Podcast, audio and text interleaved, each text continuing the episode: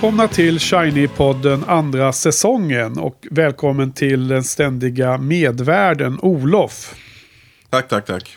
Ja, och kväll ska vi prata om Bowies, eh, vad var det nu då, 14 album. Ja, Scary Monsters and Super Creeps. Som släpptes 1980 då, i eh, september 1980. Mm.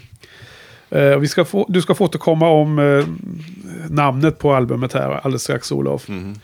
Ehm, och det här är ju då, vad blir det, 13 avsnittet, Mm. 14 skivan. Ehm, om vi ska sätta in skivan lite i eh, kontext av Bowies liv så är, är då börjar han jobba med den här skivan precis efter eh, skilsmässan från Angel gått igenom. Och han var mer positiv och hade mer framtids... Eh, utsikter eller var, var mer positiv inför framtiden än på länge. Och det har framkommit i intervjuer och, och så vidare. Och eh, det kanske också speglar sig lite i skivan om man säger så. Ehm, han, han hade kvar samma producent, eh, Tony Visconti, och, han, och även Carlos Alomar var ju med. Eh, hur var det även basist och trummis var väl samma va? Men Ja, det här var sista eh, skivan de, de George spelade. Murray och eh, Davis där. Ja, Vad heter han? någonting David Davis eller något sånt Ja, där. Det var något liknande. Ja. Mm.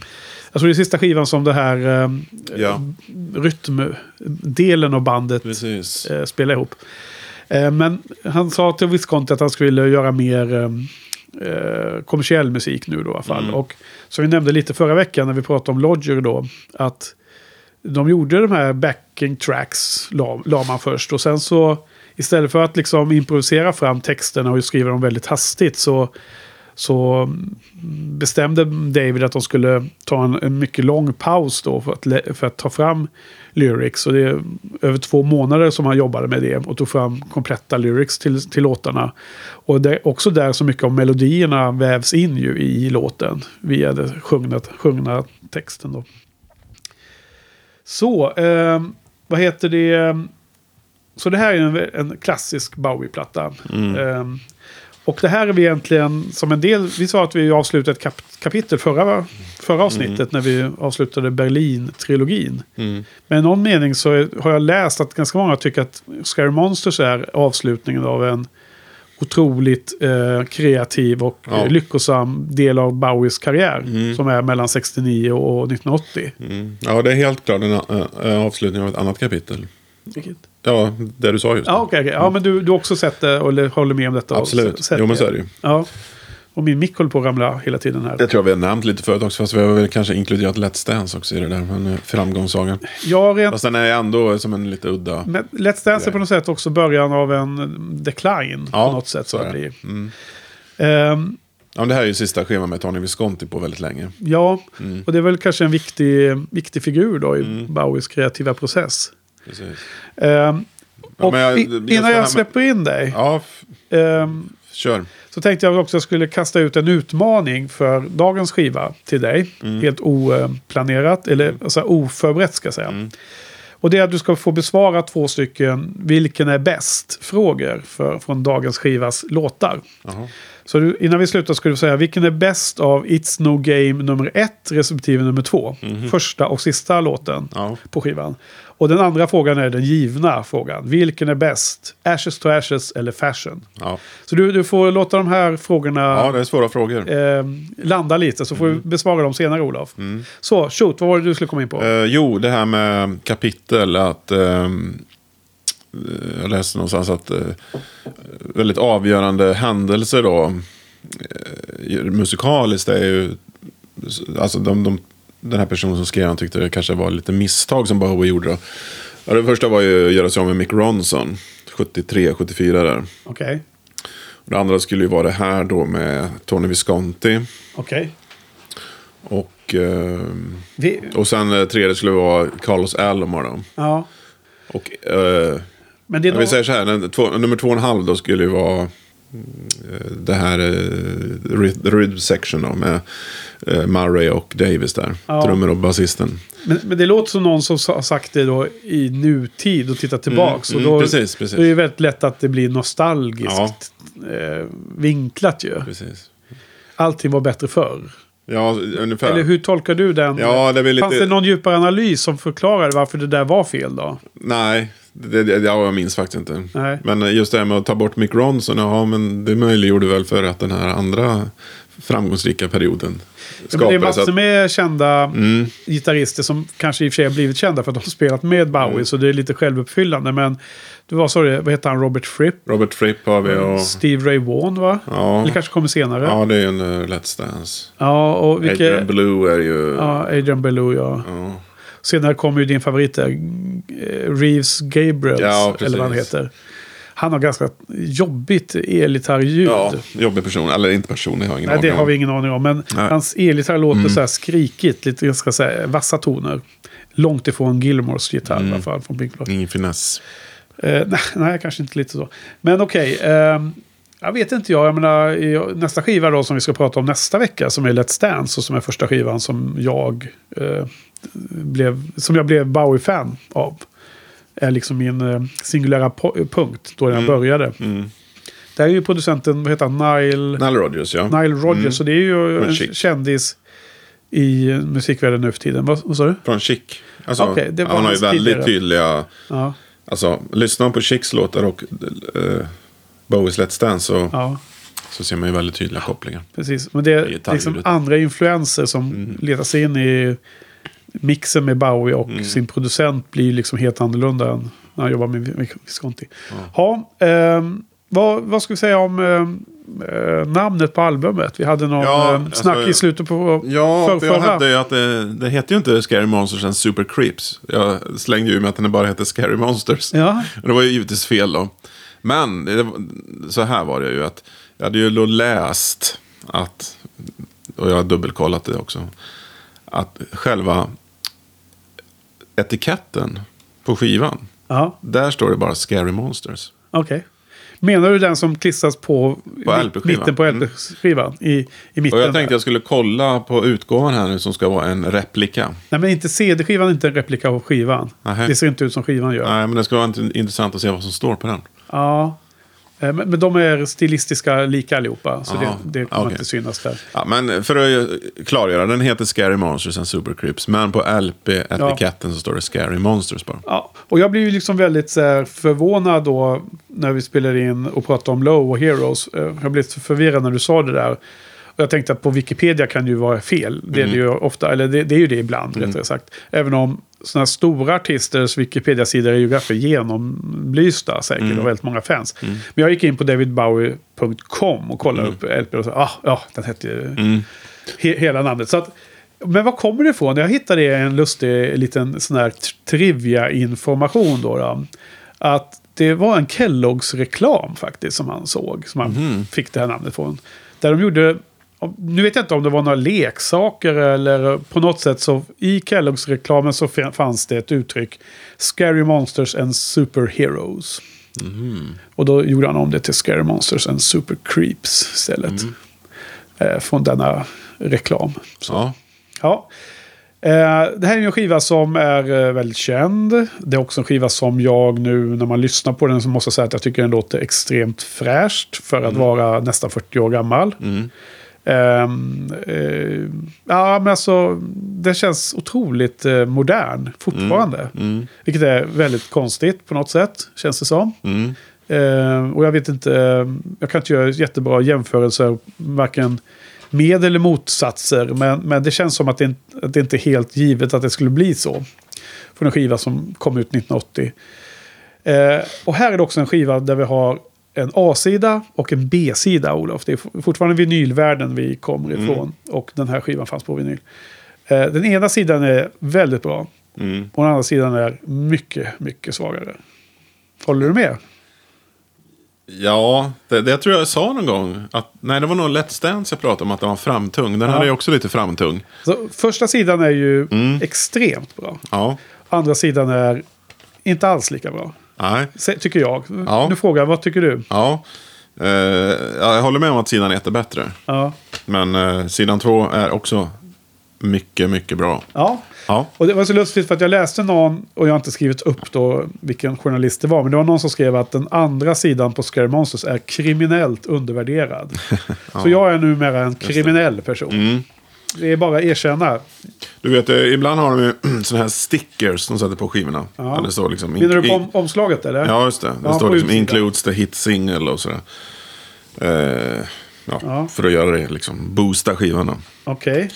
Ja, men i alla fall. Eh, det här var ingen sticker, men det var liksom liknande grejer. Då. De hade, de, under, under reklamkampanjen så skrev de då Ja. om skivorna. "O- Often copied, never equaled. Ja. Om Bowie då. Ja. Och det var väl för att många kopierade liksom hans stil. Och sen den nästa då som, som ofta återkom på 90-talet. När kritikerna skulle eh, bedöma de, hans nya skivor. Det var ju Best Since Scary Monsters. Okej. Det sades flera gånger. Då. Ja, och, det, och då, då är det såklart så här självförhärligande för då ska man då bevisa att man då inte tycker att Let's Dance är bättre Ja, längre. Och då, var För no- den, är, den är för kommersiell, för kommersiell då förstås. och då var det någon lustigkurre som skrev att eh, de tyckte att när Bowie ger ut nästa skiva då kunde han väl bara sätta på en sån här sticker som det står Best Since Scary Monsters Ja. på. Så var det, Det redan, så var det redan klargjort liksom. Ja, ja, ja. ja, ja. Var det några mer sådana Nej, det var det. reklam... eh? Reklamgrejer. Nej, det var det jag dök på. Ja, Nej, men alltså Scary Monsters, är väldigt högt rankad Ja. i hans produktion. ja, vi ska gå igenom lite hur de här Mm. två senaste skivorna eh, um, har kommit på de här webbsajterna som jag följer. Så vi ska titta på det sen. Mm. Innan vi avslutar då, så vi inte glömmer det Olof. Ja. Eh, hoppas det. Hur ska vi göra det då? Jag lägger den här mobilen på det sättet så kommer vi ihåg det. Så. Mm. Så kan vi prata om omslaget också i sam samband med det. Mm. Eh, vi var ju så, vi blev ju så, fick ju så mycket energi över att prata om eh, videosarna och så Mm. tidigare. Och vi kom på att vi måste prata om videosarna. I den här, för den här skivan så, jag tror det släpptes fler singlar, men det är, det är två videos som jag har uppmärksammat i alla fall. Det, Mm. är, det är Ashes, Ashes och Fashion då. då. ja, det är de enda jag har hittat också.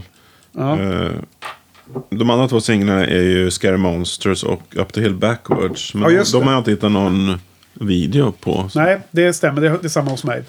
Så att det är de vi kommer att ha klippt in på hemsidan. Gå in på shinypodden.se och kolla på videorna. Och vi kommer till dem alldeles strax och de är extremt eh, väl eh, värda att titta på. Och kan ju gå in och skriva i kommentarerna också med feedback till, eh, till eh, våran podd och vad ni tycker om skivorna och sådana saker. Det uppskattas alltid med kommentarer. Okej, så första sidan har då fem låtar och andra sidan har också fem låtar. Just det, men vi börjar med första sidan då. Och här är det ju många bra spår. Först är det då It's No Game nummer ett. Då, då. Mm. Eh, för den här låten, det finns It's No Game nummer två som avslutar hela skivan. Så det blir en bookends. Mm. Som är ett eh, alltid intressant grepp. Jag tycker jag är kul. Och här är det dessutom riktiga låtar. Ibland är det bara ett, ett intro och ett outro som påminner om varandra. Men som inte är, är egna låtar. eh, Ja. Men eh, extremt aggressivt framförd. Och eh, eh, det mest eh, ut, som, eh, signifikanta med It's No Game Number One är ju såklart den här eh, japanskan som eh, med nästan samurai attack på rösten Mm. eh, läser en, en, en japansk text som en översättning av Bowies Ja. engelska text. Hon heter Hisai Hitora. Och hon togs in som översatt, nej, det var översatt men hon togs in som coach för att det var meningen att Bowie skulle sjunga den här texten på japanska. Intressant. Och sen upptäckte hon då att nej men den här texten är inte, den är ju direkt översatt, den är inte gjord för melodin. Mm. Eh, Det passar inte med den här översättningen till melodin. Så då bestämde de att då får hon läsa texten utan sång, utan hon läser texten här mer eller mindre. Va? Mm. Och, alltså, och sen blev hon, coach, eller blev han, hon ju regisserad att, med den här rösten och så. Jag tycker den är så jäkla bra, Mm. grymt bra, härlig inledning av skivan. Ja. Vad, vad tycker du då? Gillar du den här låten? Ja, ja, ja. Fem av fem, som vi brukar säga. ja Väldigt bra. i, ingen tvekan. Nej. Eh, Det är ju en eh, låt som han, eh, i alla fall melodimässigt, eh, skrev redan på 1970. Den, här, Okej. som, den heter Tired of My Life. just det. Det är en helt annan text då, men eh, melodin då. Finns den på så kallade pirat eller? Ja, Har du hört det- denna? japp. Är den bra? Eh, Den är mycket långsammare. Ja, men du känner igen melodin eller? Ja, ja. Okej. Ja, nej, jag gillar den här skarpt alltså. Eh, den avslutas ju med en, en eh, na- number two. Det är ju liksom en lite mer strippad version. Det är precis samma Mm. eh, rytmsektion. Backtrack är identiskt. Det har använt samma inspelning. Jaha. Har jag läst om. Så det här har Visconti sagt att det här är...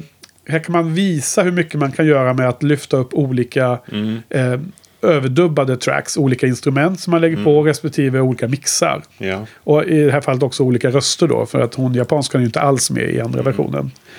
Ehm, men jag tycker den är väldigt... ehm, Pratar vi, ska vi prata om nummer två här också? ja, det kan vi göra nu då med en gång. Ja, ja men där är det ju, sjunger han ju mycket mer mellow liksom och Ja. lugnt. Och han är ju väldigt aggressiv som du sa i första Ja. versionen där. Ehm, Sen, är det, någon, är det här någon form av protestlåt? Eller vad, vad, vad är det för någon? Jag har lite svårt att få fram det. Alltså mot, protest mot samhällsutvecklingen liksom. Alltså, jag har inte riktigt uppfattat vad, vad den handlar om. Mm. Känner jag nu. Att jag, jag har inte skrivit några notes om det. Så jag, är lite, jag skäms lite. Det borde vi haft med nu ju Ja, förstås. men det, det är det jag har läst lite grann. Att, Ja, men då får du dra det. Ja, men det, det, jag, det har jag också haft svårt att liksom, eh, få helt klarlagt. Men just det här att, eh, ja, en, möjligen en protest mot samhällsutvecklingen och just det här, it's no game. Liksom, att, ja, det är, liksom, det är, ingen, det är inget, ingen lek, liksom, det är på allvar typ. Mm. Ja. Ehm, vilk, men har du, kan du på något sätt eh, kan du komma till ehm, fram till någon slutsats? Vilken, för mina frågor där som jag inledde med. Vilken av dessa två versioner av It's No Jaha. Game är det du gillar bäst? Vilken är bäst av dem? Ska jag svara på det redan nu? Ja. Ja. Ja, Och det är ettan. ettan gillar jag Ja. bättre. Ja, den är bäst. Ja, men det är den här japanska kvinnan där. Är Ja. Helt fantastisk. Hyst- Hysterisk. Ja. Ja. hon är väldigt hysterisk. Men eh, ja, ja det, precis. Ja. Man är nästan ungefär som att man har panik i rösten på något vis. Ja. Jag, jag såg det beskrivet som en samuraj. Ja, ja, ja. Jag tyckte det var. Mm. väldigt bra. Väldigt beskrivande. Nej, men jag måste säga att jag, jag tycker andra versionen är liksom bättre ibland. I, vissa lägen. Och den är liksom mer som en skönare låt. Men Mm. jag tycker också att första versionen, number one, är, den som är bättre i slutändan. Mm. Med, med hennes bidrag där. Då har vi rätt ut det i alla fall. Eh, en annan liten lustig not här som jag har skrivit upp och läst någonstans. Men jag är lite osäker på exakt hur det hänger ihop. Men vi kan ta den ändå. Det finns en Nine Inch Nail sång som heter Pinion. Som jag tror är gjord genom att spela den här låten baklänges. Och så har de dragit ner eh, tempot. Eh, På tal om baklängesversioner hit och dit och sånt. Och Nine Inch Nails är ju det bandet som han spelade gemensamt i turné 95. 95, precis. De var förband till Bowie men det var liksom double header. Ja, Så att jag tror de spelade fyra låtar tillsammans. Varav Scary Monsters var en tror jag. ja, de först körde Nine In- Inch Nails och sen så körde de ett, ett parti där båda var inne på Ja, scen. Och ja. de sjöng med varandras låtar. Jag tror Bowie var lead sing på alla, även då på några Nine Inch Nail-låtar. det det? Han körde bland annat en Hurt som också Johnny Cash har gjort där. Mm. Bra live. Och sen gick de över till, till Bowies set. Mm. Då då. Och, och eh, den amerikanska eh, benet av den turnén så var det ju, kom ju de flesta i publiken för Nine Inch Nail. Jaha. Så att då hade ju Bowie och bandet liksom ganska svårt att vinna över dem sen då efteråt. När liksom publiken kom dit för förbandet egentligen i någon mening då. Eller åtminstone de som spelar först. Men eh, det hade tydligen blivit bättre och bättre under, under turnén och liksom funkat mer och mer. Eh, för det är ju han, eh, vad heter han, eh, frontfiguren Nine Inch Nails nu igen då? Aning. Eh, Resnor eller något sånt där. Fasen nu. Vad är det för ty- Är det någon grunge till någon, någon inch? Nej. Nej men det är någon slags industri, eh, Ja, ja. hårt. Aha. Det är kanske därför det blev det här eh, industrigrejen då i Bowies 97-album Earthling. Ja, eh, Kan han ha blivit inspirerad där då? Jag måste slå upp här, för jag vet ju att de här är ehm, min kompis Patriks favoriter, så jag kan inte sh- säga eh, fel här nu. Ehm, American Industrial Rock Band. Founded in 1988 by Trent Reznor in Cleveland. Men eh, jag vet också att anledningen till att jag känner till honom lite mer, förutom att Patrik gillar de här, är då att eh, han gör väldigt mycket filmmusik. Trent Reznor. Och eh, det är intressant. Eh, så. Han har gjort en del för David Fincher och, och så. Och lite olika Är det ett sätt... Eh, det här är en allmän fråga. Ett, är det ett sätt för mu, mu, musiker att tjäna pengar? Ungefär som att skådespelare spelar in reklamfilmer. Eh, jag tror att eh, han verkar ha en läggning för det. Han verkar vara duktig på det helt enkelt. Nu menar jag inte att tjäna pengar, liksom att de är giriga, utan mer liksom för att kunna överleva. Liksom. Ja, jag har ingen aning om vad hans eh, skäl är. Men, men jag tror att han är bra på det. Så att det, det är nog också ett skäl. Greed is good kanske du skulle Ja, säga nu då. Ja, okej. Men du, ehm, det Mm. var första låten på första sidan. Så har vi redan täckt in den sista på andra sidan. Men andra låten i alla fall. eh, Up the hill backwards. Mm.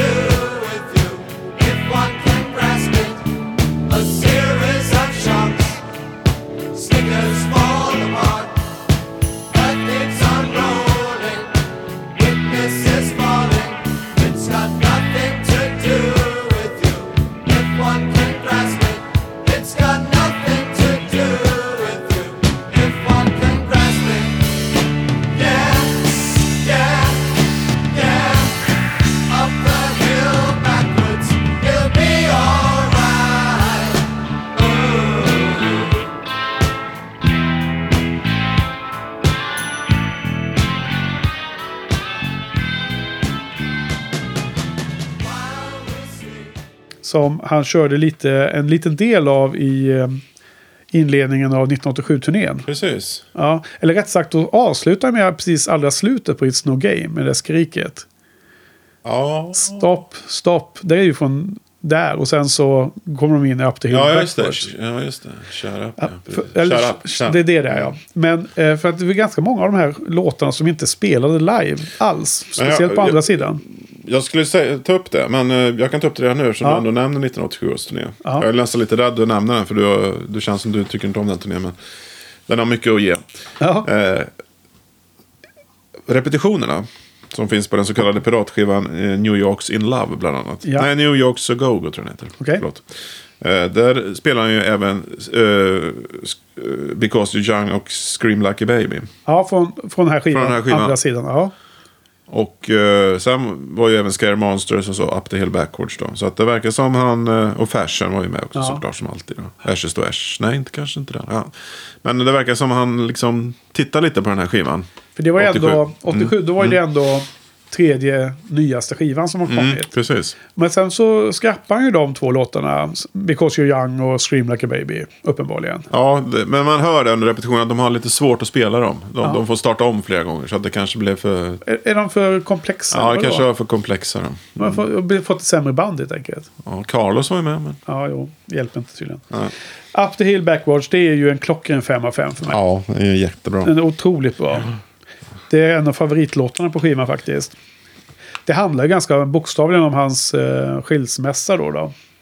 Jaha, är det så det? Ja, och eh, det har tydligen gjort massor med sådana här eh, analyser på texten och sådär. här. Och folk har haft massor med åsikter. Och sen helt plötsligt så var det någon som kom på och upptäckte att eh, flera av de första raderna i texten är tagen från en bok från 1964.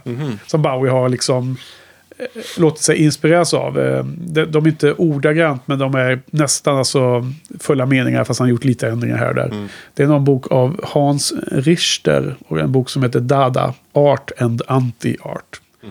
Som han tydligen gillade, Bowie. Och det har ju ingen hemlis i det, så det var nog inget, eh, det var inget olagligt eh, copyright infringement. Men det var lite lustigt med alla som du vet, ana- överanalysera texter och hitta massor med betydelser. Och sen så är då en del av inledningen av texten tagen då från en annan källa. Så blir det ju liksom, kan det vara lite snopet för vissa.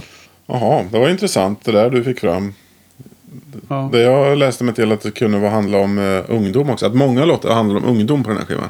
Youth. Ja, men också att den, han sjunger viss, någon låt för sin son. Va? Ja, just det. Det är ju... Uh, till... Nej, vilken är det?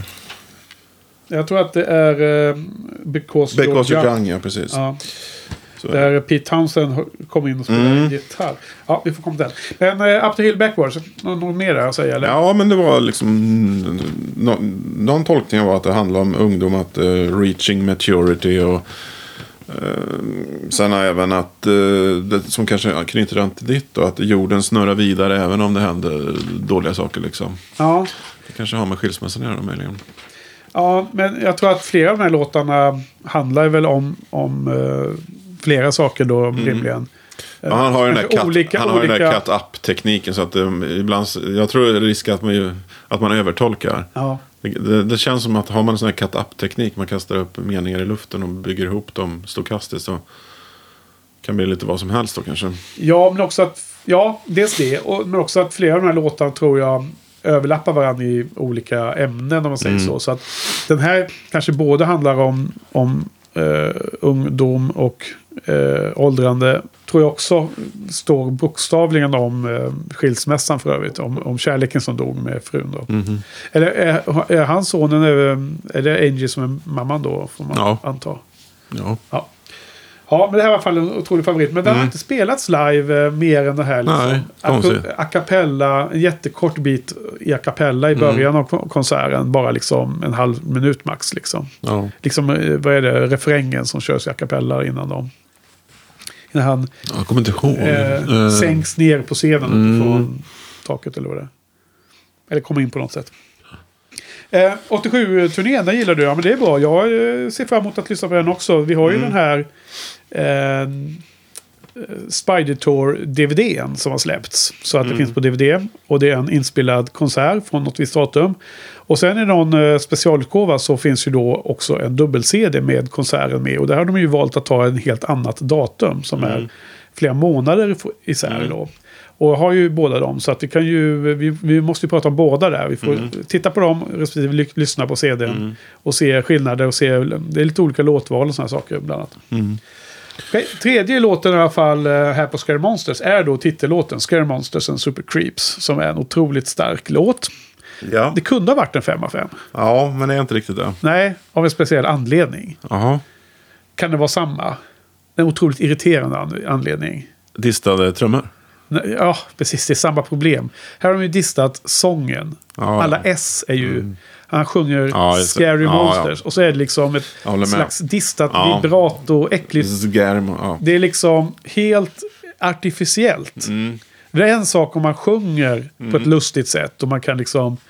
Eh, Vet att det ska låta scary då på något vis. vet inte vad det är anledningen är. Det, det är så otroligt överproducerat. Mm. Just den här lilla grejen stör mig något otroligt. För att den här låten är ju bra live också. Den, den kan man ju höra då i, Mm. ren format, som man säger så. Gäller sånginsatsen. Här, jag stör mig så på den. Alltså det, det är så synd. För Mm. allt annat i låten är jättebra tycker jag.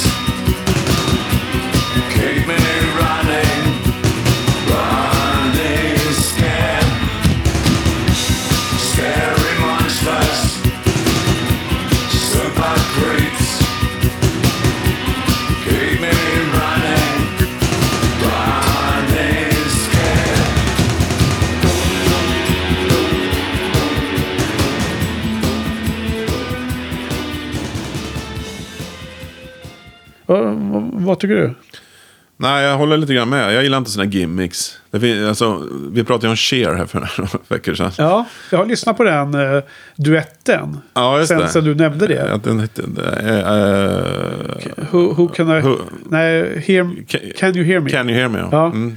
Från 74 är den där tv-showen, va? Något sånt Det är en där. jäkligt lustig tv-show där. Ja, jag har inte sett det, men jag har lyssnat Nej, på det. men jag såg det i veckan här. Ja, Ska jag berätta lite om det? Eller? ja, ja säg. Ja, men, han är ju ganska rolig, David Bowie, Ja. ibland. Han, är, jag menar, han framställs ju som lite kvinnlig och sådär. Med tvetydig... Androgyn. Androgyn, det, det jag sökte här i förra veckans Ja, ja, avsnitt, jag inte hittade där. Men i det här då så står han och sjunger där med, med Cher då. Och hon har ganska kraftig urringning liksom sådär.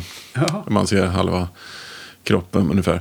Och så vid ett tillfälle så sticker han ju nästan in hela huvudet då i, i hennes urringning liksom. I bysten. Ja, typ. Och han, hon tyckte det, eh, hon skrattade ju väldigt roligt åt det där. Ja. Ja, men han, han gör sådana där grejer ibland. När han då liksom, från att vara liksom den här androgyner då helt plötsligt blir väldigt macho på något vis då. Ja. Helt plötsligt. Vad heter det? Först se om man kan hitta den också då och eh, klippa in en video från det då. då. Hon har väldigt mörk röst, Cher.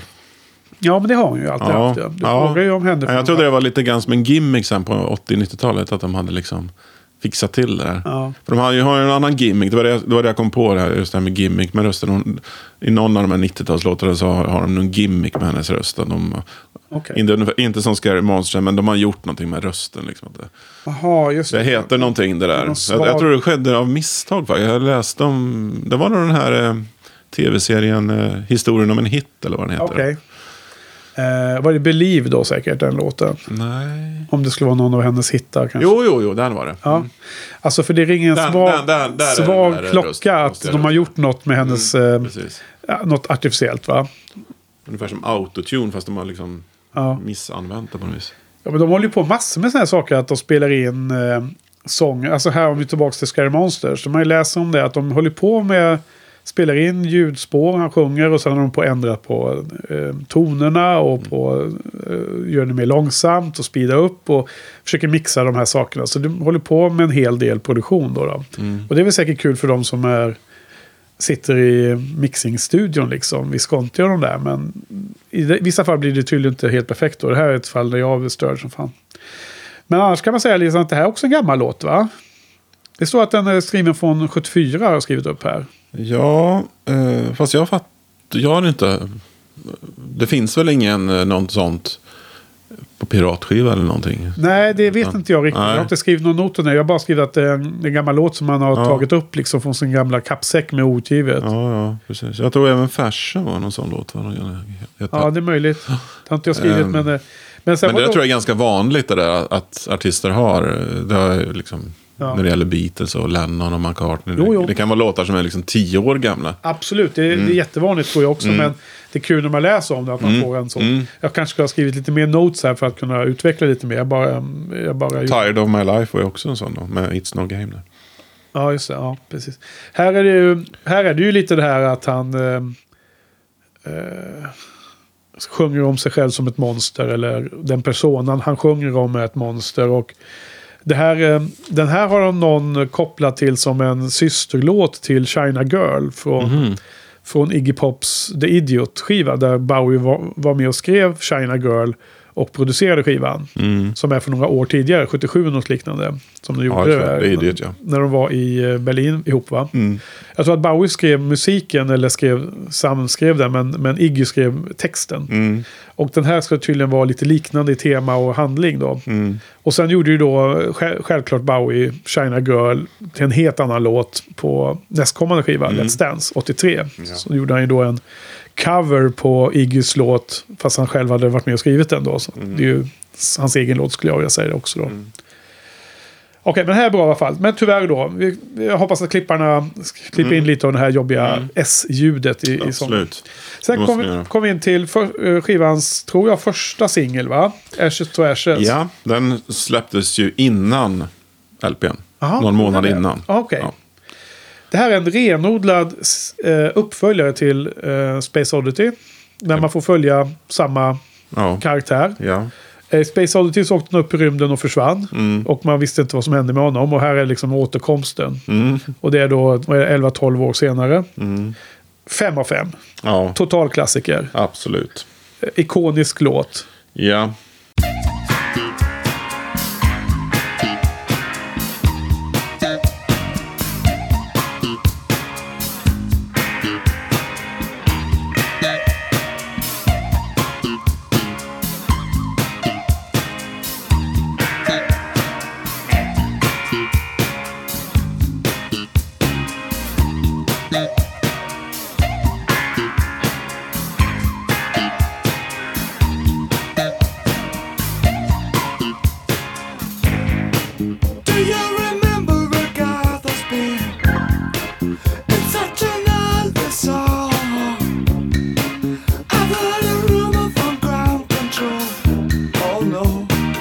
Say it's true. They got a message from the action man. I'm happy, hope you're happy too. I've loved all of needed love. Saw the details fall away.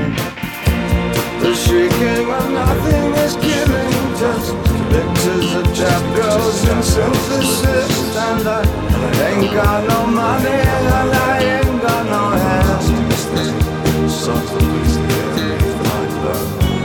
I'm hoping to kick because glad it is glowing, glowing, glowing, glowing. Ashes to ash and funk to funk it. We know Major Tom's a junkie, strung out in heaven's high,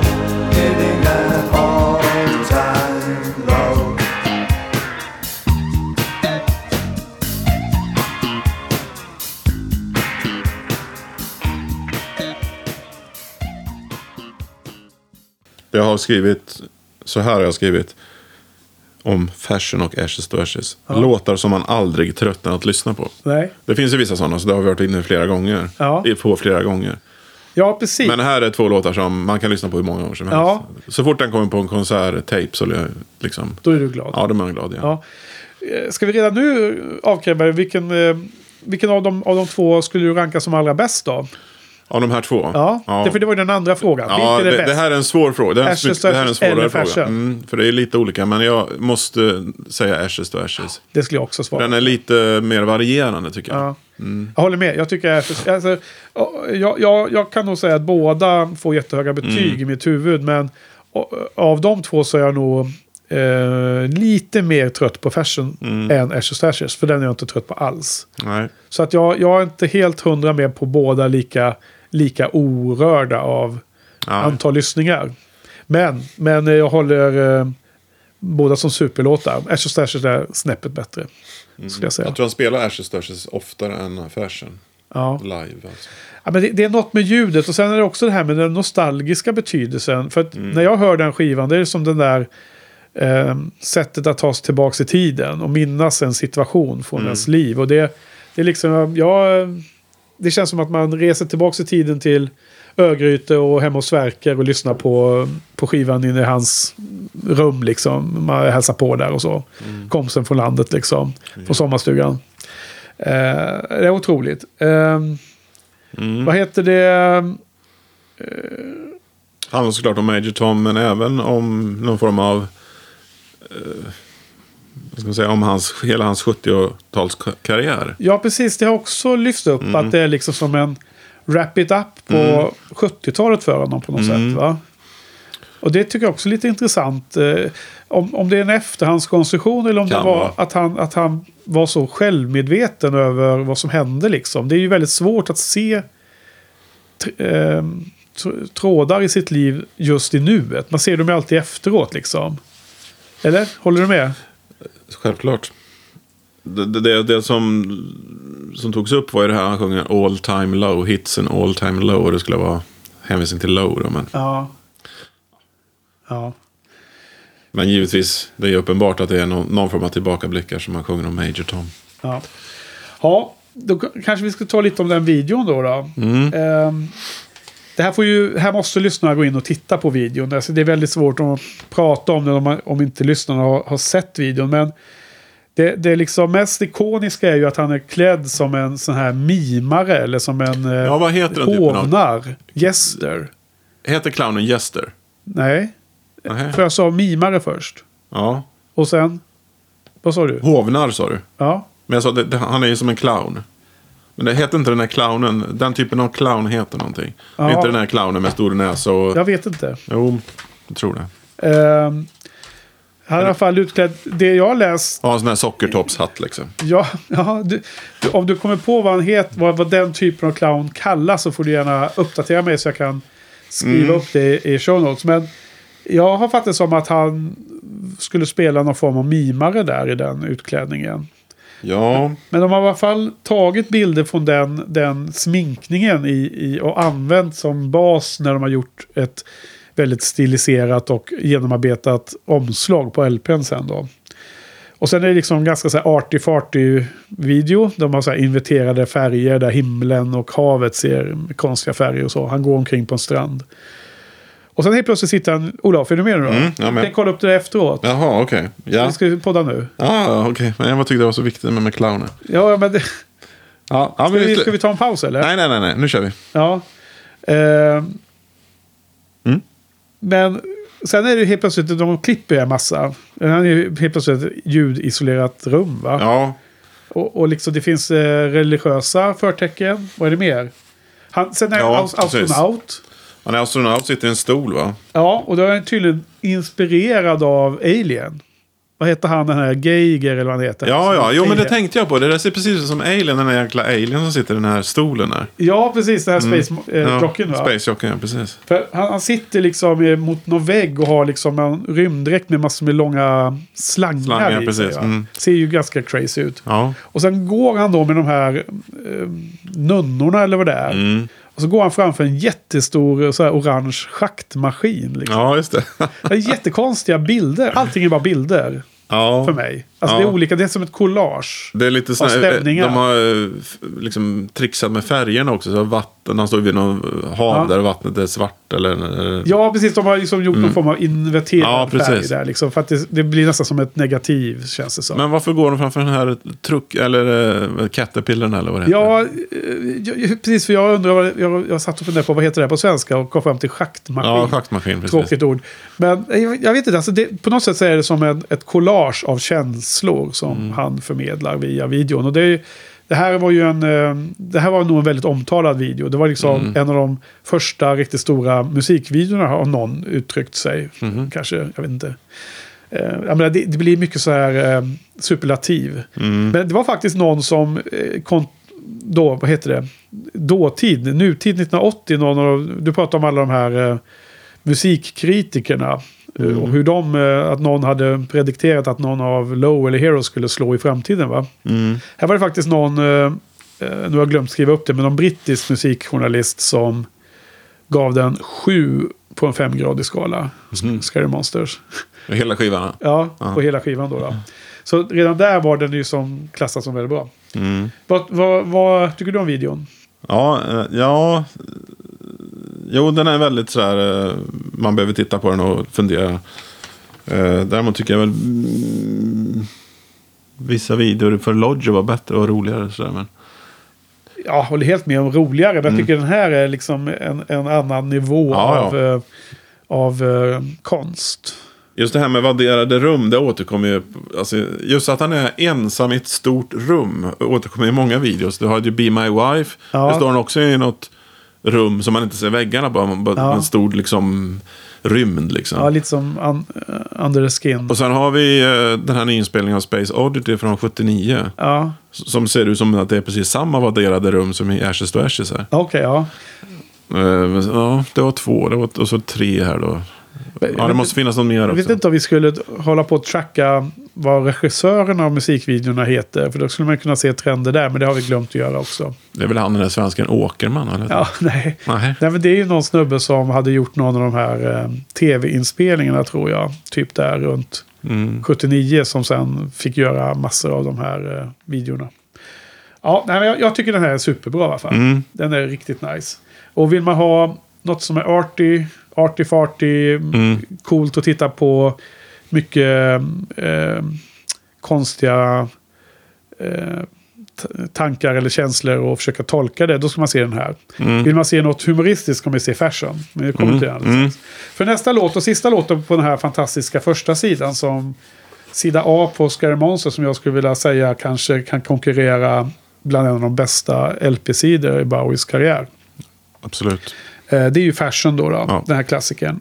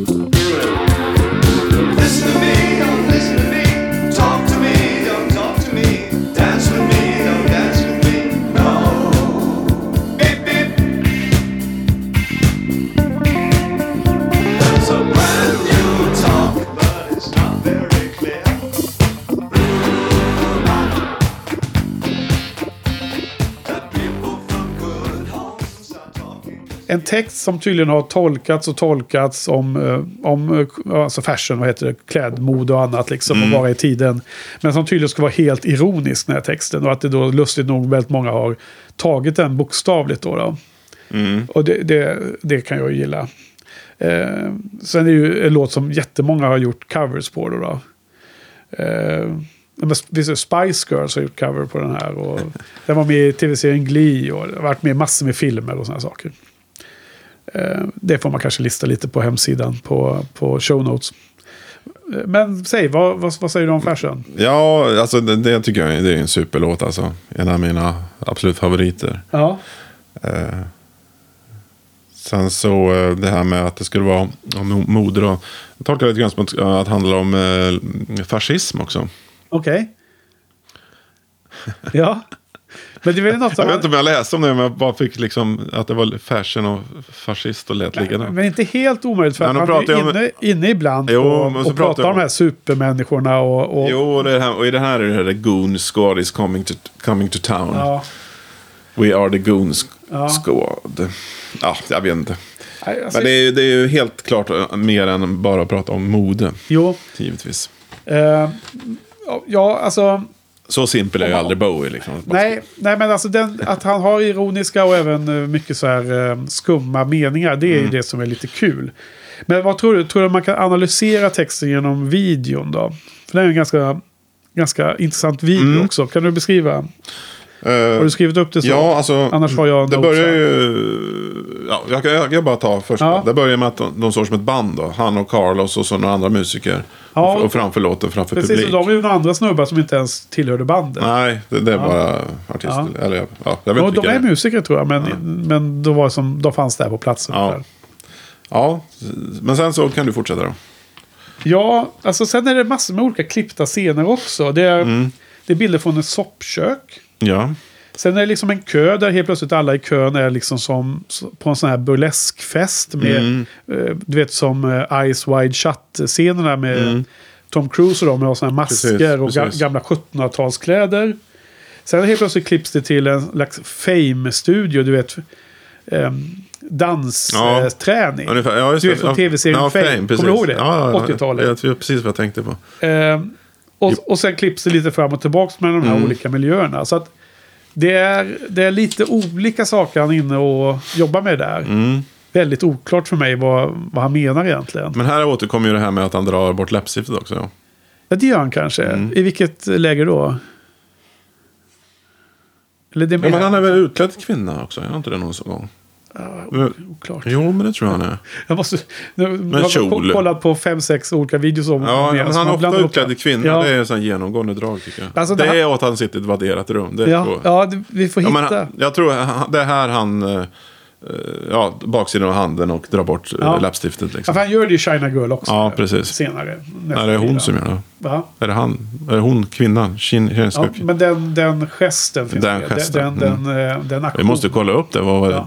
Om det är någon allmän Ja. grej eller något han har kommit på. Hon söker det också. Men, men sök efter poddningen är klart. Efter podden, Ja. okej. Mm. Men eh, jag ska komma till vad att... Eh, eh, I inledningen när han står med det här bandet som för övrigt är absurt lustigt. De är, det är så himla roligt. De, de ser så 80-talsaktiga ut de här snubbarna. Men då ser ju Bowie liksom, igen så är han ju otroligt nog... Han ser mycket modernare ut än hans bandkompisar. Mm. Alltså tittar man på den videon från 1980 så tycker jag liksom Bowie ser... Eh, ja, jag skulle inte säga eh, hypermodern mot dagens Mm. eh, fashion. För det har jag inte koll på ändå. Men han ser inte 80-talsaktig ut som de andra uppenbarligen ser Mm. ut. Nej, håller med. Så att det är liksom, han, jag, jag, har också känslan att Bowie alltid har haft ganska bra känsla för de här sakerna. Mm. Eh, jag, jag tror det är, en, det, är- det är liksom en, en sak han kan Ja. av, av, av sig själv. Liksom. Ja. Och sen att tolka alla de här olika sekvenserna i videon, det har jag inte riktigt orkat mig på. Då. Nej. Nej. Men jag, ju- jag, jag tycker ju- den är rolig i alla fall. ja, såklart. Eh, Du har ju givetvis sett Beatles-kopplingen också. Eh, inte så jag direkt kommer på nu. Jag har inte Nähä. skrivit ner någonting. Vilken är Nej, det? men det är ju att Mai, Mai, Mai Pang är med. Va? Mai Pang. Din pung? Nej, Mai... Mai Pang. Ja, vem är det? då? Det är ju John Lennons eh, sekreterare under eh, The Lost Weekend 73-74 som även var hans... Eh, ja, ja, man ska, är det älskarinna man säger? Ja, kanske. De var, väl, de var ju separerade så var väl inte det älskarinna. Ja, Men, partner vadå? Lost Weekend, vad är det? Ja, men det är ju när han eh, separerade från Yoko Ono. Jaha. Storyn är att hon sparkade ut honom för att, så att hon, han skulle hitta sin manlighet eller eller Okej. bullshit. Men eh, så var han ju i Los Angeles då, 73-74. Ja. Och eh, festade omkring med Ringo Starr och eh, Keith Moon och bland annat. Okej. Och då var hans partner under den här tiden var ju, eh, den sekreteraren som de hade då, Yoko Ono och John Lennon. Hon heter May Peng. Okej. Eh, för det hade tydligen Yoko Ono sagt till May Peng då att du ska följa med John Lennon och bli hans partner då. Under den här tiden. Vilken bisarr setup. Ja. Och eh, hon är med i den här videon. Jaha. Hon, eh, är hon med på den där festen där man Mm. Ja, ser? Eller ja, jag tror det. Ja, inte soppköket, men eh, det, det är någon sekvens där, där hon är med. Ja, hon är asiatisk kvinna. Ja, ja. Mm. Eh, jag gissade på den namnet, men eh, nej, hur skulle jag veta om det här? Nej, jag vet inte. Jag trodde du kände igen henne. Det gjorde jag. Det, det, jag men jag- henne. inte ens till The Lost Weekend-storyn. Nej. Lost Weekend, men det låter som att det här var en längre tid. Det finns ju lite mer här då. Hur länge var Lennon på... Eh, 73, hela 74 mer eller det mindre. var en lång weekend. Med, Ja, 18 månader tror jag.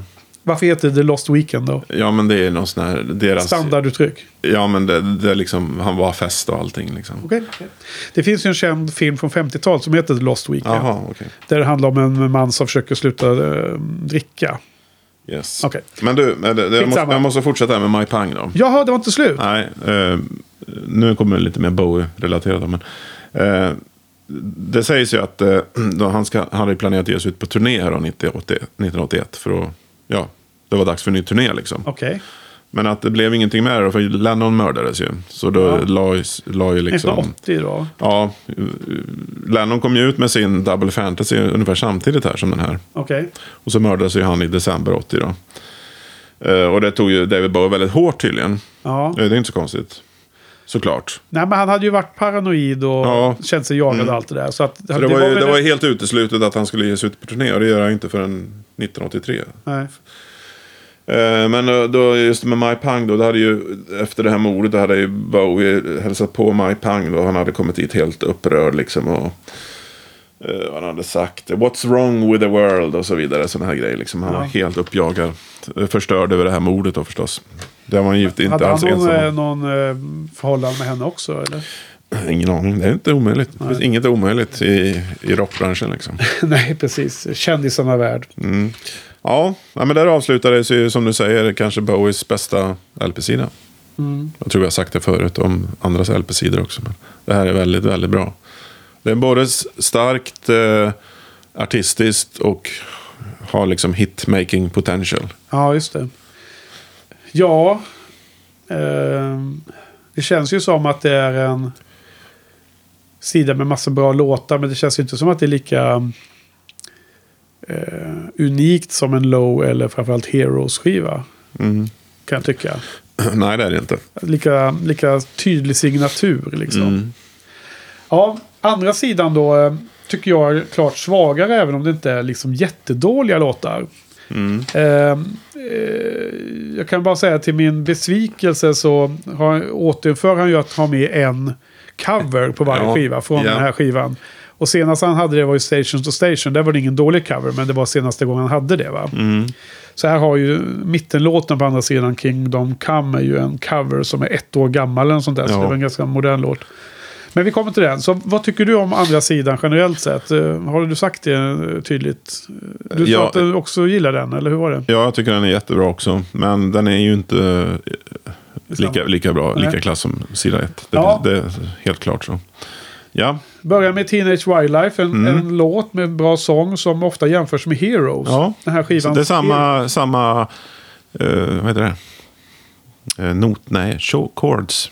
Ja, vad heter det på svenska? Backtrack. Ja, Ehm, ja, chords. ja, vad heter det på svenska? Noter? Jag är Nej, så helt still i huvudet på mig. Ja, nej. melodi kanske. Ja, Ja, den är väl inte identisk, men den är lik i alla fall.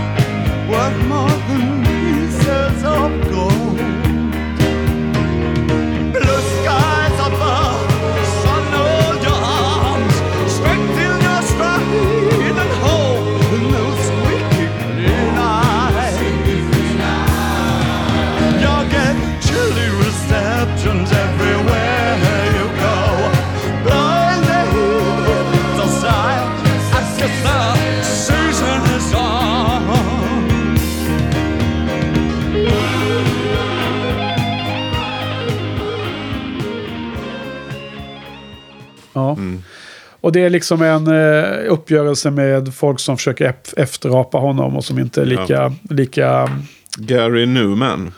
ja, han, ja. han kände sig utpekad tydligen, Ja. men det var oklart om det verkligen var om honom. Men han, han kände sig också smickrad att bli, bli utpekad av Bowie som en efterföljare. Mm. Vad hade du mer på den? Uh, uh, uh, 17 har jag skrivit här. Uh, jo, kärleksfull attack på unga personer. Okej, okej. Ja. Ja, Nej, men han har ju helt klart tonat ner det här riktigt dystra innehållet. Eh, Det verkar som att det finns en, en lite mer spirit här eh, med mer positivism. Men jag antar att den togs död av när Lennon blev skjuten då, några månader senare. Nästa låt är i alla fall Scream Like a Baby som har en bra, eh, härlig inledning.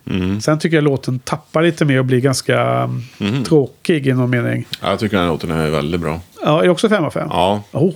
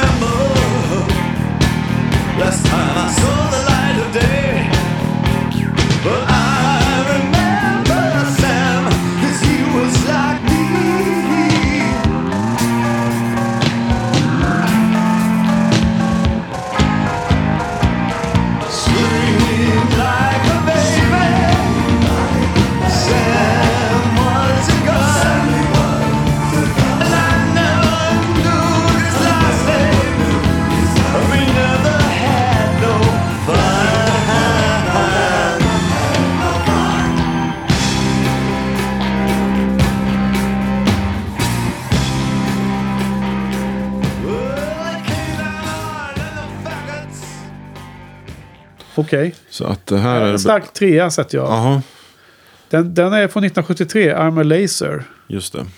Som, Ja, men här kommer in det här. som gjordes av Mm, ett annat det- band va? Som han skrev till en annan, till Ja, något tjejband. just eller det. vad heter de? Astronets va? Ja, något sånt där va? The ja, precis. Ja.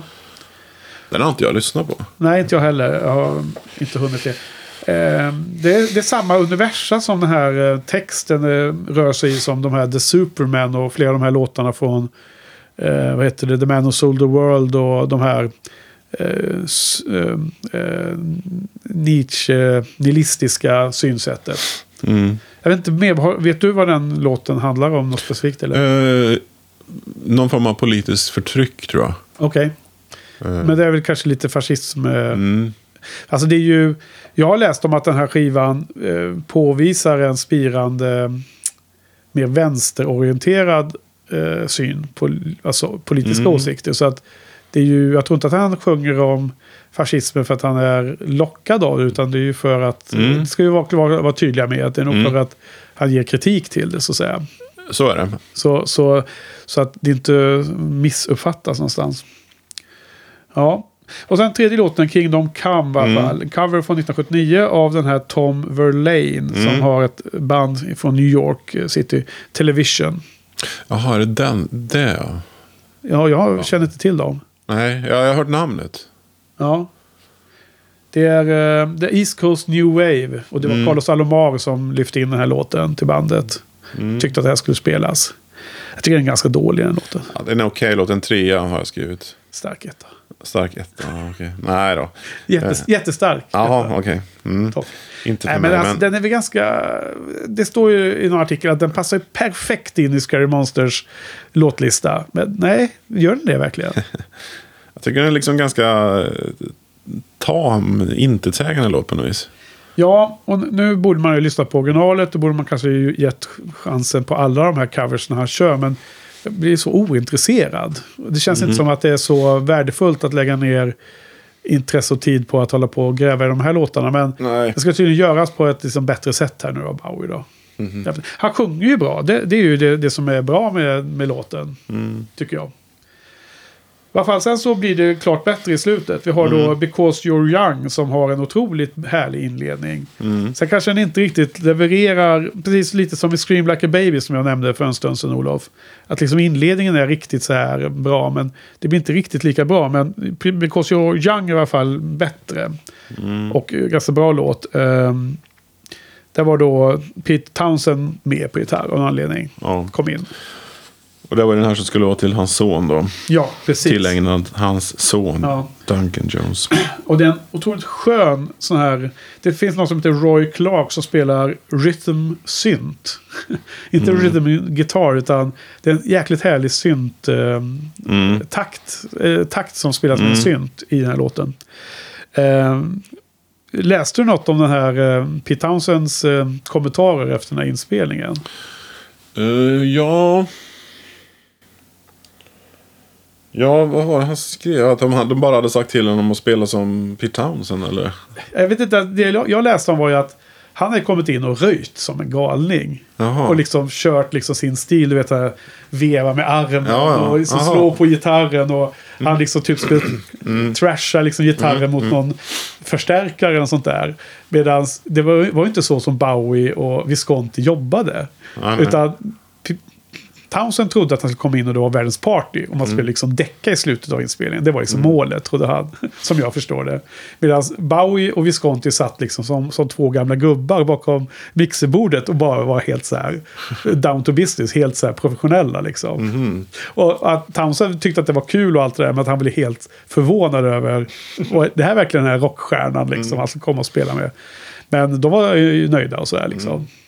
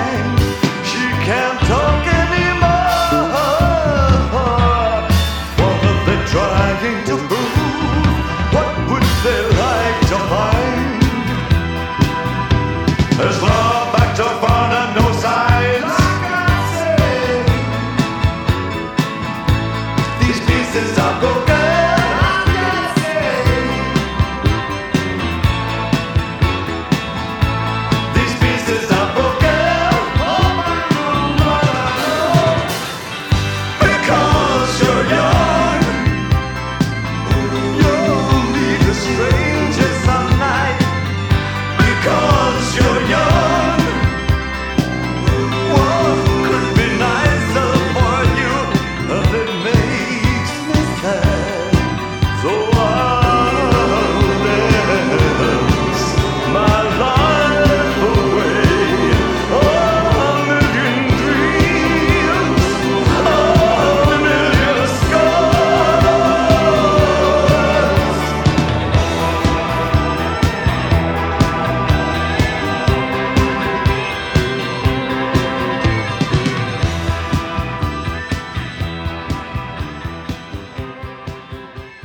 tror att om man bara tar in en sån känd gitarrist så är det bara bra att ha med namnet. Liksom. Det är värt i sig. Eh, ja, men det var, det var lite lustigt att läsa om det i alla fall. Ja. Du hade kanske sett något annat där. Ja, det var väl eh, att han hade liksom kommit in och frågat hur ska jag spela liksom. Och då hade Bowie bara sagt, ja men du ska spela som Pete Townsend. Ja, okej. Det är också en ganska lustig instruktion. Ja. Det- Hur fan ska jag göra det då liksom? Ja, men det jag läste om, det var någon liknande, eh, kan det ha varit Robert Fripp som pratade om det. Att Bowie, han hade liksom ingen koll på, han kunde liksom inte förmedla eh, hur gitarren skulle låta. Så han hade sagt ja, du, det ska låta som Richie Blackmore. Eller liksom, Ja. det, ska, han, det var på den där nivån liksom. Just det, jag- jag såg en annan.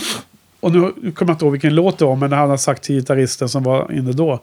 Du, tänk dig att du har en duell mot B.B. King.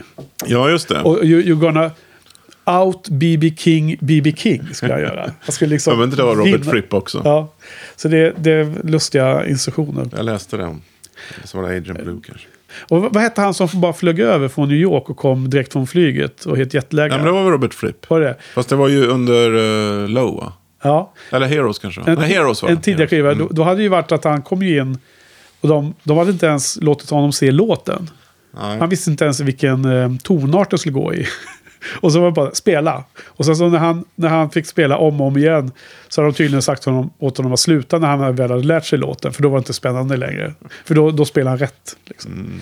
Eh, här, åter till Because You're Young. Eh, vi är snart klara Olof. Eh, det här sjunger han ju väldigt tydligt om frun då. Så här, She took back everything, she said. Left him nearly out of his mind. Så det är en väldigt tydlig beskrivning av den förtvivlade psykologiska status han hade där i slutet på 70-talet. Och att, ja, man får hoppas att han blev mer, Men, här mer lycklig. men att han skrev det till sin son, var det inte så? Jo, det var väl också att det handlade om sonen, men att det fanns väl mer i den här texten som i många av låtarna. Som täcker in många olika perspektiv, som vi var inne på även första sidan. Okej, och sen har vi redan, eh, eller var det något mer där på den låten? Because you're young? Because you're young? Eh, nej. Det finns ju några liveversioner sen under 90-talet. Ah, okej. Så den har kommit upp i alla fall?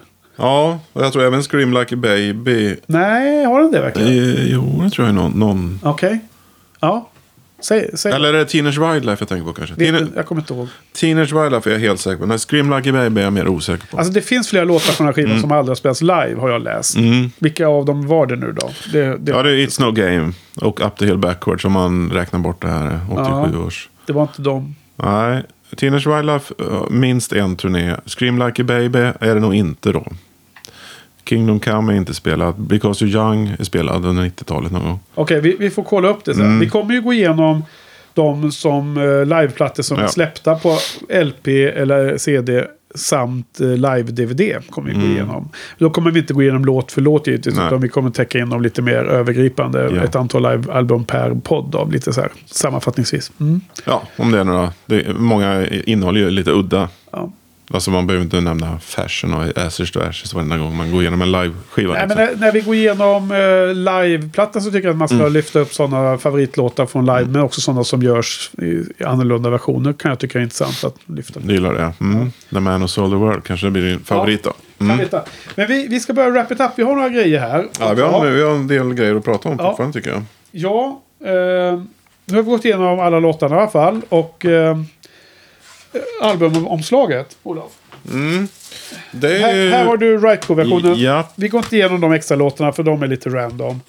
Eh, Jag kom på vilken clown jag trodde det handlade om. Okej. Harley Keen. Men det är inte här. Det här är En inte Harley Quinn. Ja, men jag tror inte det är Harley. Quinn. Ja, men det- jag tror inte det är Harley nej, det. Nej. Nej, Den ser annorlunda ut. jag Så. tror det var eh, misskott där. Ja, precis. Men det var det jag trodde det var. Men det var fel. Omslaget är ju ett av topp eh, top, eh, favoritomslagen och dessutom mest ikoniska. Och en, en av de LP-skivor jag köpte först i min samling så det känns extra nostalgiskt att titta på den här. Jag har min lilla replika här i handen ifrån den nya boxen där. De har gjort ett bra jobb.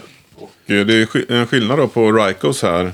Framsidan. Ja, De På Ryko har de ju inte med det där. För han har ju med tre bilder från eh, Berlin-trilogin där. på baksidan menar du? precis. Eh, här är det inklippt som eh, polaroidbilder som är lite delvis översuddade. Ja. Det är från Heroes, Lodger och Low. Ja, precis. Och så har han ju även eh, Sigge med där också. Alla, jag tror det är Aladdin Sane Aladdin. Sane, ja. Mm. Ja. Det är ju inte med på Rikos då. Nej, det var dåligt av dem. Och sen så är det ju... Här, här är original. eh, precis. Det är whitewash där och det ska ju tydligen då... Vadå whitewash? Ja, men han, ja, men att han liksom haft Ja. vitfärger. Och det betyder ju då självklart att han eh, liksom vill göra clean slate här då med sin... Ah, du tänker så nu. Mm, Ja. ja, det liksom, nu nu Ja. borstar vi bort det här eh, gamla liksom. ja. Sigge och Berlin. Ja. Men du, vad, eh, vad säger du om det här albumet då? Nu måste vi komma till eh, något eh, beslut om betyg. Mm. Nu är frågan, kommer den här klara att komma upp i 10 av 10 hos Olof? Ja, det är en väldigt stor fråga. För nu kommer vi in på den diskussionen vi hade i förra avsnittet om man ska tillåta en dålig låt. Ja, Eller två dåliga låtar till och med. Jag Ja. tillät ju inte två dåliga låtar på Lodger. Nej. Där- Därför blev den bara en åtta. ja. Och då blev eh, jag ansatt för det då. Men, eh, Nej, men det blev ju Nej, nej. Det, nej, det, Det var blev ju jag bara en inte. Nej. allmän fråga hur, Ah, ja. hur, hur processen funkar. Ja. För- Men eh, nu tänker jag fortsätta den Ja. diskussionen. Ja. Och den här skivan får betyg 10 av 10. Wow! Och det, och det är ju trots att vi har en cover här. Ja. Men jag lät det passera för det är ju en cover faktiskt. Jag tänkte att jag kan räkna bort den. Ja, men det är precis som jag var inne Mm. på förra veckan då. Att det är faktiskt, det kan vara lägen då skivans hela Mm. bild i huvudet är, ger den signalen.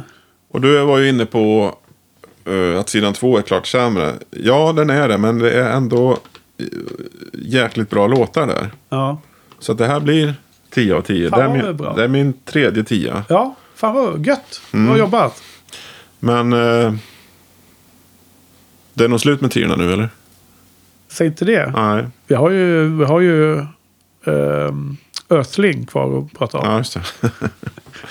Nej, vi ska inte säga någonting. Man kanske ändrar sig. Ja. Eh, Nej, alltså jag... Eh, jag får väl skämmas nu då. Mm. Jag har ju redan sagt att jag är kriminell en gång idag på grund av den här ehm, journalisten som tyckte att de som inte gillar andra sidan var kriminella.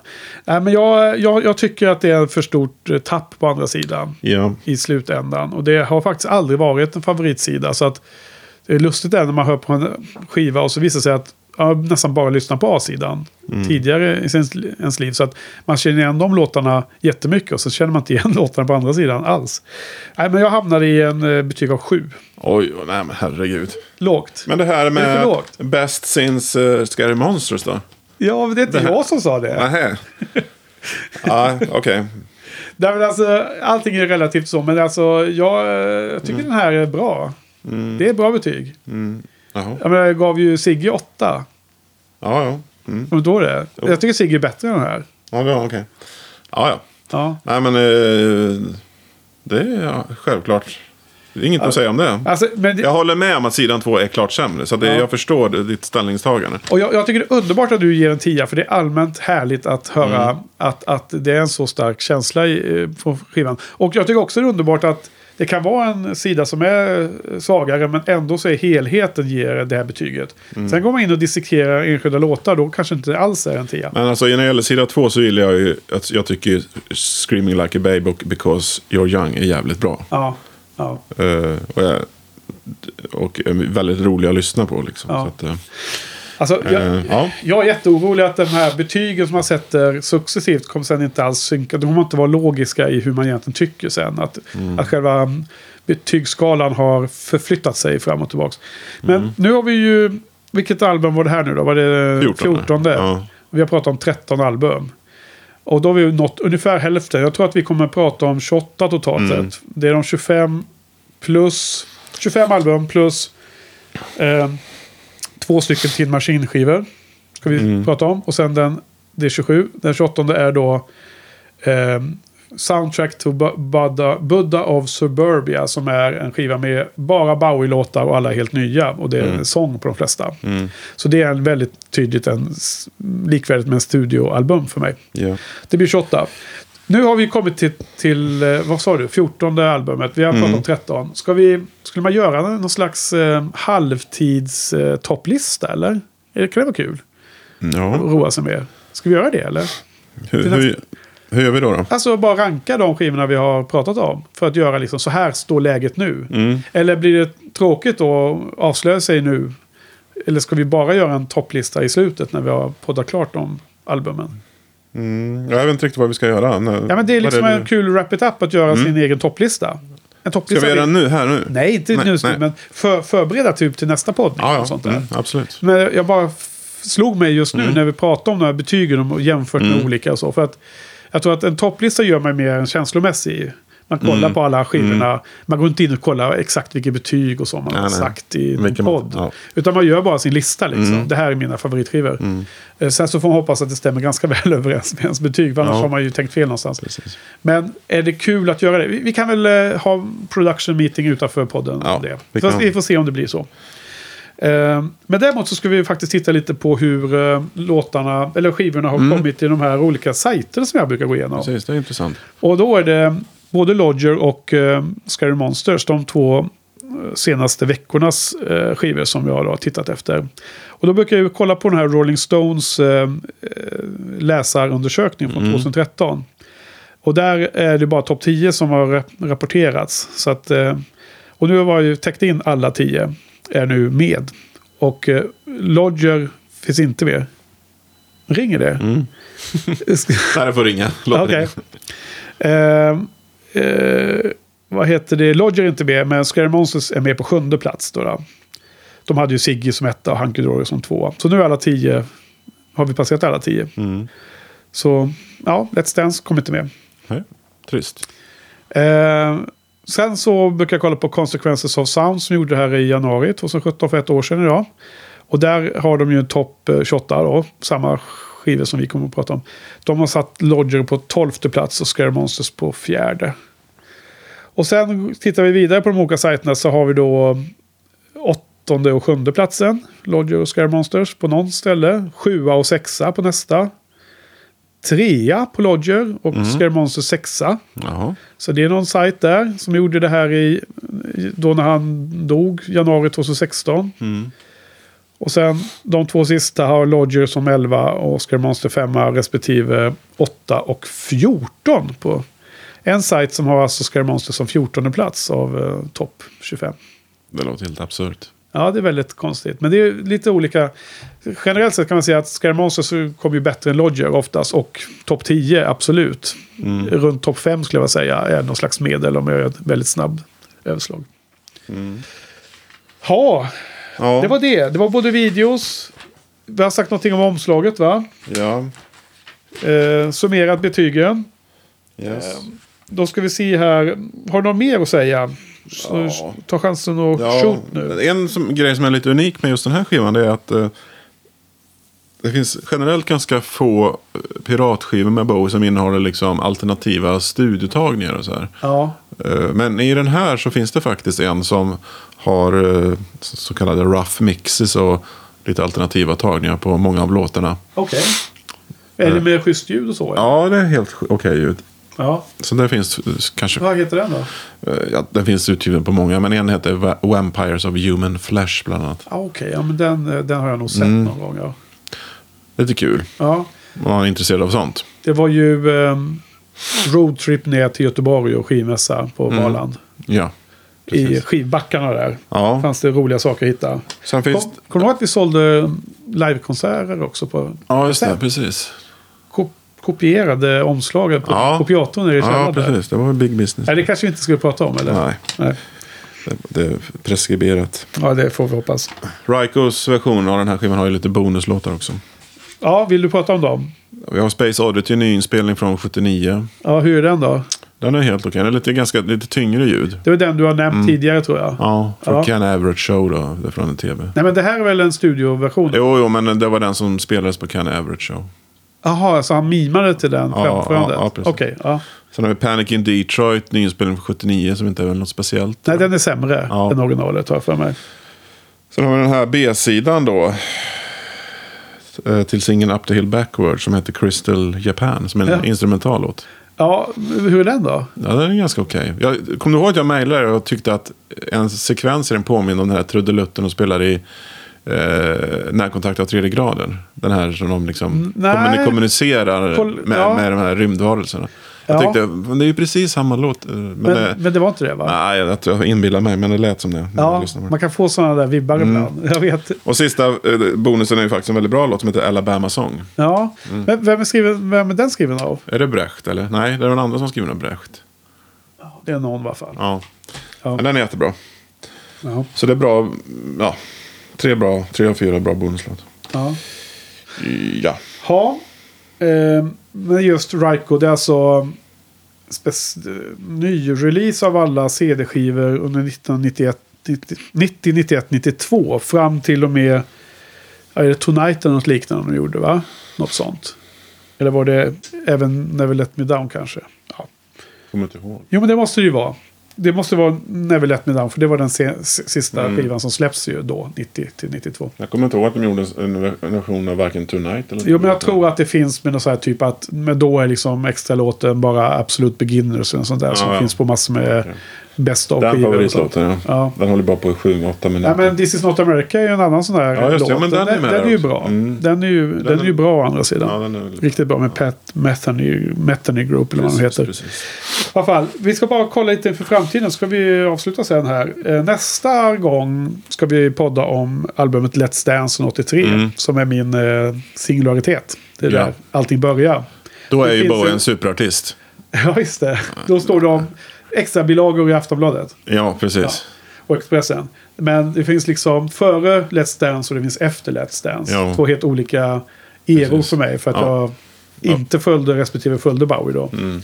Och sen eh, nu kommande vecka eller lite mer ska vi också lyssna på, in oss på Tonight. Skivan därefter som kom 84 året efter. Så vi har ju två skivor att lyssna in oss på. Ska podda om dem eh, de nästa två. Så hur, hur, om vi börjar med Let's Dance då. Hur såg du fram, eller hur tänker du inför att lyssna på Let's Dance här nu några gånger? Det blir ganska intressant. Här har vi ett gäng hits eh, på sidan ett. Framtung skiva. Ja. Och så lite mer udda låtar där på sidan två. Då. Ja, Ehm, mm, här är risken att det finns vissa låtar som han har lyssnat sönder tror jag. ja okej. Som du känner dig trött på. Mm, och jag kan väl säga direkt att det är ju China Girl då. Okej. Mm. Eh, för- Har du hört den mycket eller? Den har man ju hört till leda tycker jag. Ja. Eh, Jag känner inte den. Eh, Jag får väl se hur det känns. Men jag tycker tror- ändå- jag tror inte att det gäller mig. Nej, okej. Nej, Jag hoppas jag kan ändra mig där. Ja. Sen har vi Tonight då. Som, Ja. ska, eller vi kanske inte kommer till den just nu. Nej, vi kanske ska, Vi väntar med det. vi kanske ska Ja, vi väntar med avsluta podden om Let's Dance med att prata om hur vi ser fram emot att, Ja, att lyssna på ja Tonight. precis, precis. Självklart. Ja, men jag, jag är jättesugen på att lyssna på Let's Dance. Eh. För när jag lyssnade på någon av de här skivorna tidigare inför något po- annat poddavsnitt så har jag för mig att det bara spelar vidare och kom in på nästa skiva eller något sånt där. Mm. Eh, vad det nu kan ha varit som låg och som blev. Och då kom jag in på den liksom omedvetet. Och helt plötsligt var det där skivan och var jätteglad liksom. Av Mm. äntligen. När, när ska vi få lyssna på den tänkte jag. Så där, liksom. Stängde av då nästan lite ledsamt. Så. Mm. Nej, så jag har faktiskt inte hört på den på jättelänge. Eh, däremot har jag följt ditt, eh, din, din, eh, ditt råd där och lyssnat på vissa av de lite mer udda skivorna. Bara, bara för att du hade hört på White, vad heter det? Black Tie White Noise. Mm. Så jag har också lyssnat lite på den så att man liksom inte blir helt överrumplad när man kommer in på de här skivorna som man inte har hört så mycket på. Mm. Så att eh, eh, när man har lyssnat klart lite så tar jag några av de mer o, eh, mindre spelade skivorna bara för att bekanta mig lite för tid. Men denna har jag inte hört så mycket på. Okej då, nej men vet du vad, vi hållit på ganska länge idag. Så att eh, vi får ta och eh, eh, avsluta där. Men eh, tack så hemskt mycket. Men några sista ord. Nej, bara säga hej då. Hej då, tack Olof. Vi, hej då, vi hörs om en vecka. Vänner, hej. Hej. silhouettes and shadows. Watch the revolution. No more free steps to heaven.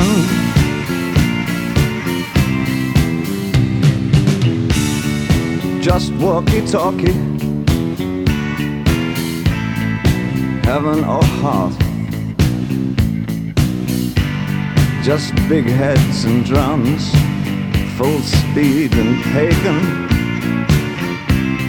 And it's no game.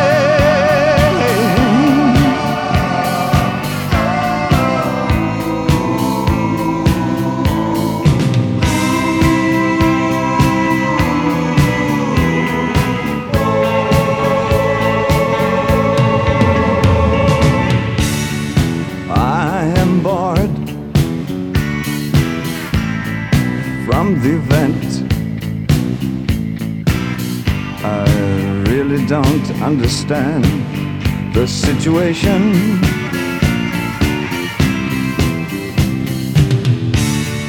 So where's the moral? People have their fingers broken. to be insulted by these fascists is so degrading. And it's no game.